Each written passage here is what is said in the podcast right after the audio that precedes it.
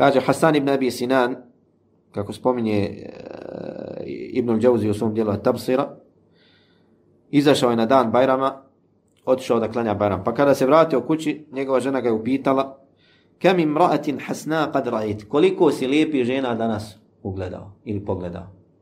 Dakle, žena, kada se vratio sa Bajram namaza, pita, koliko si lijepi žena danas vidio.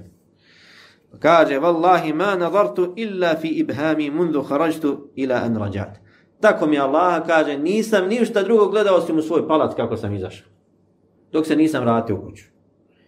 Dakle, da ne bi pustio svoj pogled i gleda ono što je zabranjeno, on je zaposlio sebe da gleda ono što je dozvoljeno. Dakle, kad je izašao iz kuće, stavio palac ispred sebe i gleda u palac sve dok se nije vratio u kući. Jer ako ti ne zaposli svoju dušu onim što je dozvoljeno, ona će te zaposliti onim što je zabranjeno. Kaže, gledao sam u svoj palac dok se nisam vratio. Pogledajte ove primjere. Dakle, da ne bi upao ono što je, što je zabranjeno.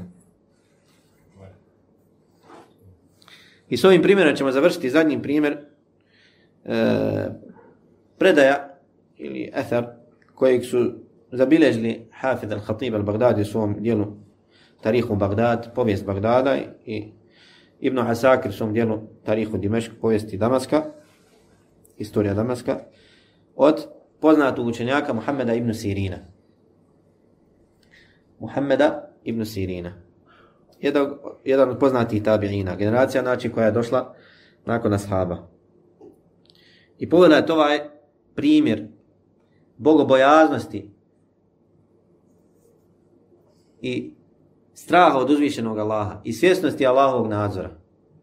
Kaže Ibn Sirin, inni la aram, inni la ara mar'ata fi manami, fa a'lamu annaha la tahillu li, fa asrifu basari. Kaže, zaista, nekada legnim da spavam, pa mi usno dođe žena za koju znam da nije dozvoljena. Kaže, pa usno oborim pogled i ne gledam u nju. Usno kaže, dođe mi žena, lijepa koja nije dozvoljena, znači šetan dođe u snu, preslika mi ženu koja je lijepa. Nas, dakle, ugledam ženu u snu koja nije moja. Da li tačno određenu ženu koju zna ili neku ženu za koju ne zna, ali zna da nije njegova supruga i da mu nije dozvoljena. Kaže, pa oborim pogled zato što zna da mi nije dozvoljeno da u nju gleda. Dakle, u snu, u snu obarali bi pogled.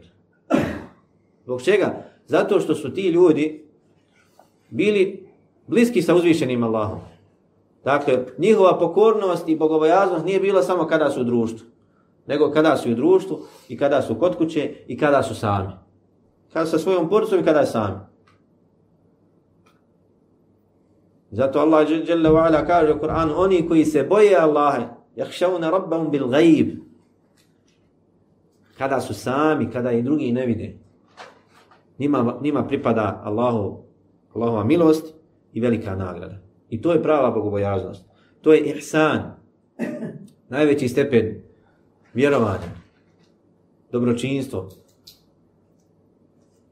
Znači vrhunac, savršenstvo u, u vjeri. Šta je to? An ta'bud Allaha ka annaka tarah, fa in lam takun tarahu fa innahu yarak. Da obožavaš uzvišenog Allaha, da mu robuješ kao da ga vidiš. Jer ako ti njega ne vidiš, zaista on tebe vidi.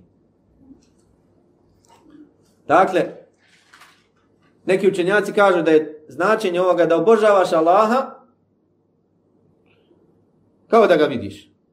Pa ako nisi u stanju da ga obožavaš kao da ga vidiš, onda barem obožavaj Allaha kao da on tebe vidi. Jer znaš da on tebe vidi. Ili drugo tumačenje, da obožavaš Allaha kao da ga vidiš. Jer ako ti njega ne vidiš, znaj da sigurno Allah tebe vidi. Zna da sigurno Allah tebe vidi. I to je jakin, čvrsto objeđenje, najveći stepen vjerovanja da čovjek obožava Allaha kao da ga vidi. Dakle, kao da je uzvišen i Allah pred tobom. Da li će se isto ponašati kada si u takvom stanju ili kada upadneš u gaflet i nemar, pa zaboraviš na Allahov, na Allahov nadzor, da Allah tebe vidi i da čuje i da zapisuje sve što ti radiš. Sigurno ne.